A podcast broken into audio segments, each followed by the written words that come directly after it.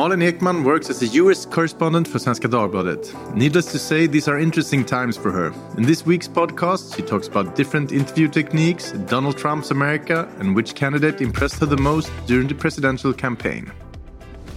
Malin Ekman, welcome to Schibsted Talks. Thank you very much. This must be hectic times for you. It is, it is.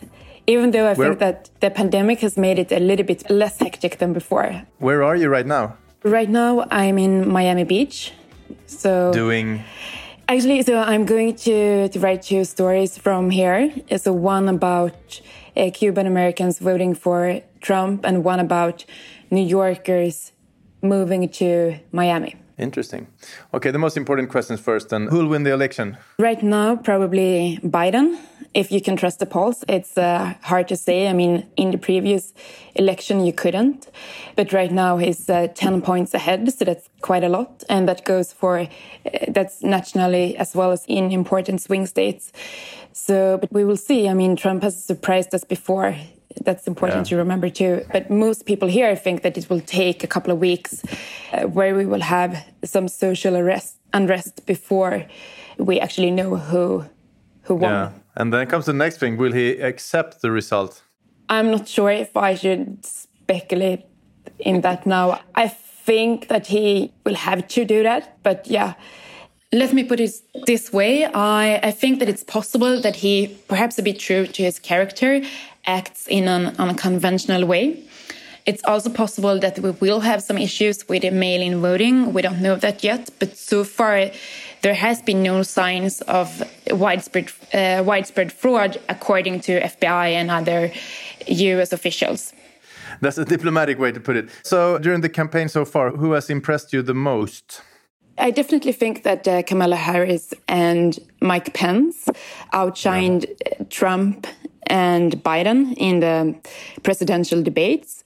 Yeah. And if I zoom out a little bit uh, to the primaries, I think that Bernie Sanders impressed because he he drew like huge crowds to rural America and yeah. also I think Andrew Yang because he talks about politics in a new non-established way which I think is really interesting to see. I think also Pete Buttigieg because he's a a small town mayor who really made it into the the national arena. And that's also yeah. cool to see, I think. You, you, talked about the pandemic. How has it affected your work in, in general, would you say? I mean, in the beginning, I was scared that the newspaper would send me back to Sweden. So that was like my main goal. But you, you, you live in New York, right? Yes, yes I do, in uh, downtown Manhattan. And yeah. yeah, I was scared that they would send me home because that happened to other Scandinavian papers, even within the Schibsted group. Yeah. So I was like, kind of like waiting for that call. And it didn't come so i was very happy that i could stay. And in the beginning uh, yeah i have to tell you that i was pretty scared. I mean even though i really wanted to to stay i was pretty scared because i mean new york was the, the worst place to be for a while. And you didn't know that much about the virus. And they were talking about this shelter in place order where you would have to stay inside for like weeks like they yeah. did in spain. So felt like an adventure, but it was also a bit challenging. Not exactly what you dreamt of when you accepted the job in the world's coolest town. Speaking about that, you live in New York. How much of Donald Trump's America have you been able to see? Quite a lot. I've been to the Midwest. So I've really been to the middle of the country. And also, even though you know, some states I went to vote Democrats, but I still talk to Republican voters. And I also keep in touch with some of them. For example, a man called Phil who lives in Pennsylvania, a state that turned red in the previous election. And his story is interesting and symbolizes Trump's power. I think Phil used to do business with Trump, uh, with Trump's casino in Atlanta. And when it got bankrupt, he only got 10 cents back for every dollar he was entitled to. So that obviously wasn't the best start for a future political candidate. But later on, Philip started to listen to Trump's speeches and decided to support him. And now he and his wife drive around in drive around the whole East Coast in their yellow convertible car uh, decorated with Trump banners. And I think this is a, this story really underscores the power Trump has in certain groups of the population and how committed these voters are. I also think it's important to talk to voters uh, and that the media is sometimes too focused on the political game and the breaking news stories in a way that sometimes make makes them fail when it comes to understanding the population and the perspectives that influence them. Correspondents are always based in Washington and New York, Los Angeles. Shouldn't you be in the Bible Belt, the Rust Belt, sometimes, you know, to capture the real America? I agree. I think that we should. Uh, at the same time, I think that it really depends. It's not only about from where you report, but also about how you report. So I think it definitely makes sense to live in Washington, D.C., New York, or especially not least uh, San Francisco, because you have access to people who really shape the society in the future. But of course, if you just sit in your apartment writing rewrites and you know reading American newspapers, maybe you won't add that much value. So it really depends on how you approach your your own assignment. You got to get out there, basically. Yeah, I think that most newspapers uh, or news outlets have been not good enough when it comes to covering like ordinary Americans in the rural parts of the country, because. I think the picture you get is often very simplified, and you're just looking for great quotes, but you're not really trying to understand. So that's an issue for sure. You met people like Phil and uh, etc. What, what, did you understand out of speaking to them that you didn't know before about the real America? Something that really strikes me is that, like most people, are very well informed. You think that because everyone's watching Fox News or CNN, by the way, that they are very influenced by that. And that's, of course, very true. But I think that they, they think surprisingly independently still. Yeah. And they, they know a lot and they are also very curious of meeting with journalists, I think, especially if, if you come from Sweden. Maybe if, if you came from CNN, maybe that would have been different. I have a theory uh, that yeah. we're brought up on American culture. We eat McDonald's, we look at Friends or Seinfeld, and that makes it feel that you know the Americans are just like us, which they are not, and that sort of becomes sort of a shock to us. Do you understand what I mean? Yes, I agree. The American culture is very different from the European and Swedish yeah. ones.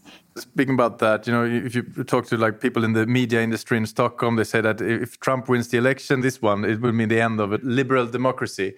Is that how it sounds over there as well? What, what's is that the way people talk? It really depends on who you speak to, of course. In most liberal leaning cities like New York, most people seem to think that Trump represents the end of the world. Yeah. But I also talked to Trump supporters in Manhattan. So, yeah.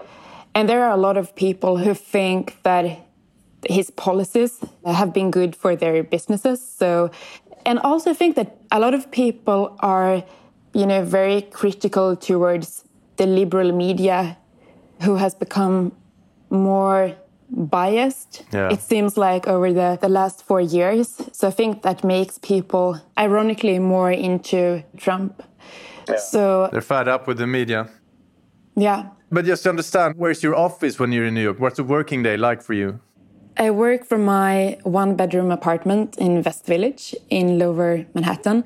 So, one bedroom that's like a svensk tvåa. And yeah.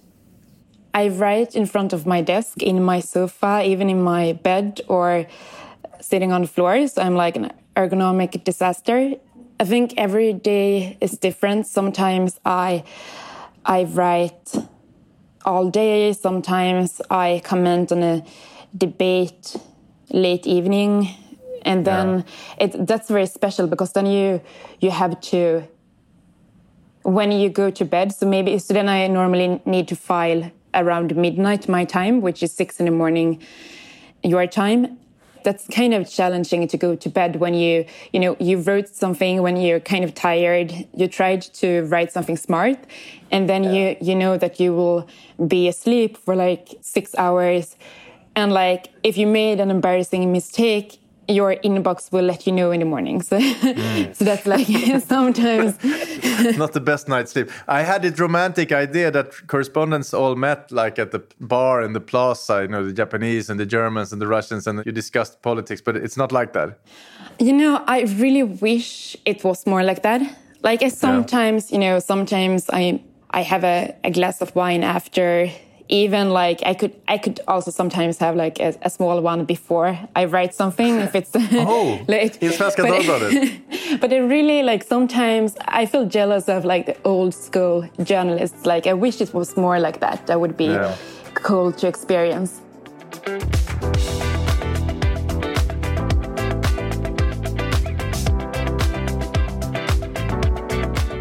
Last week's running up to the president's election, where will you be? I haven't decided yet, but I I think I might go to Arizona or to Texas. Okay. You get a lot of credit for your interviews in Svenska Dagbladet. What's your secret? Now I will sound like a Buddhist, which I'm not, but I think the first thing is to let go of your ego. That I think that many journalists try to impress the person they interview, especially if they admire the person and if it's a, a famous person.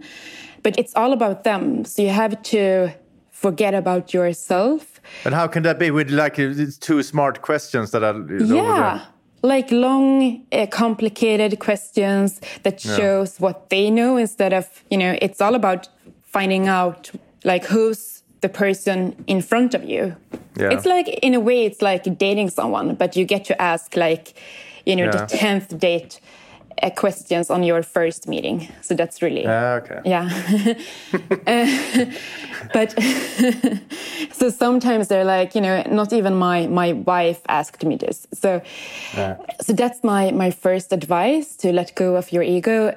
And the second one, I think, is to be hyper attentive. You have to listen. I always show up well prepared mm. and write down, down a lot of questions in advance. But I just threw away my paper before the interview. Oh, so you never look at that paper during an interview ever? No, because that kind of uh, interrupts uh, the flow. Mm. So mm, I don't do that. And actually, I told you that I would look at my paper uh, while talking to you, but actually, I'm, I'm looking at you. Uh, yeah. now and I can I can see you're not looking to your papers either. I mean, it's a very sensitive thing to mm. interview someone. So if you're not focused, the person you talk to will think that you're not interested and then maybe close up a bit and not yeah. telling uh, his or her secrets. If you just listen and don't like ask too much, they will also reveal characteristics about themselves that are important for you like an asset in in your writing process. So, you know, they will show sides of themselves that they don't think about if you just let them talk very freely. And then don't interrupt like i did right now. No no i think that it depends. It's also about chemistry and it's about you just have to uh, trust your instincts i think and I, of mm. course you should ask questions and you should ask whatever you know, comes up in your head. And then sometimes just make mental notes that you will ask later. That's always a good advice, isn't it?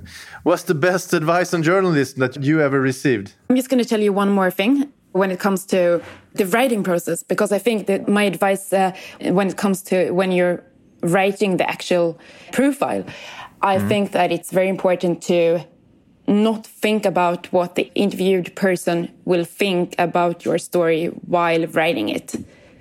And it's also important to. In what way can that uh, change the profile, you mean? Don't try to flatter the person because the Im imperfections are what makes human beings beautiful, I think. So, like sometimes I write unflattering profiles, but they rarely get upset because I think everyone. But you should try to impress the editor at least. Yeah, but that's another story, right? yeah, so you should try to impress Maria Rimpe at Svenska Dagbladet, the, the redaktionschef. Yes, yes. You always have to impress someone. Yes, that's true.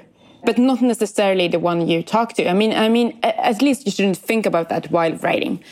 So, what's the best advice on journalists you ever received?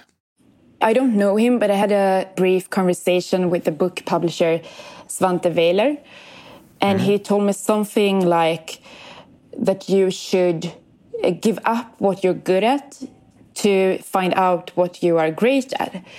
And I think that's a pretty, you know, good piece of advice. Not only when Doesn't it comes have- to journalism, but in general. But in, in general, yeah. But what if you're not great at anything then? I think this is also Einstein once said that like that everyone is a genius, but you shouldn't judge a, a fish for its ability to climb a tree. So I think that everyone's got talent, and you just have to trust your intuition and find out what you what you care about.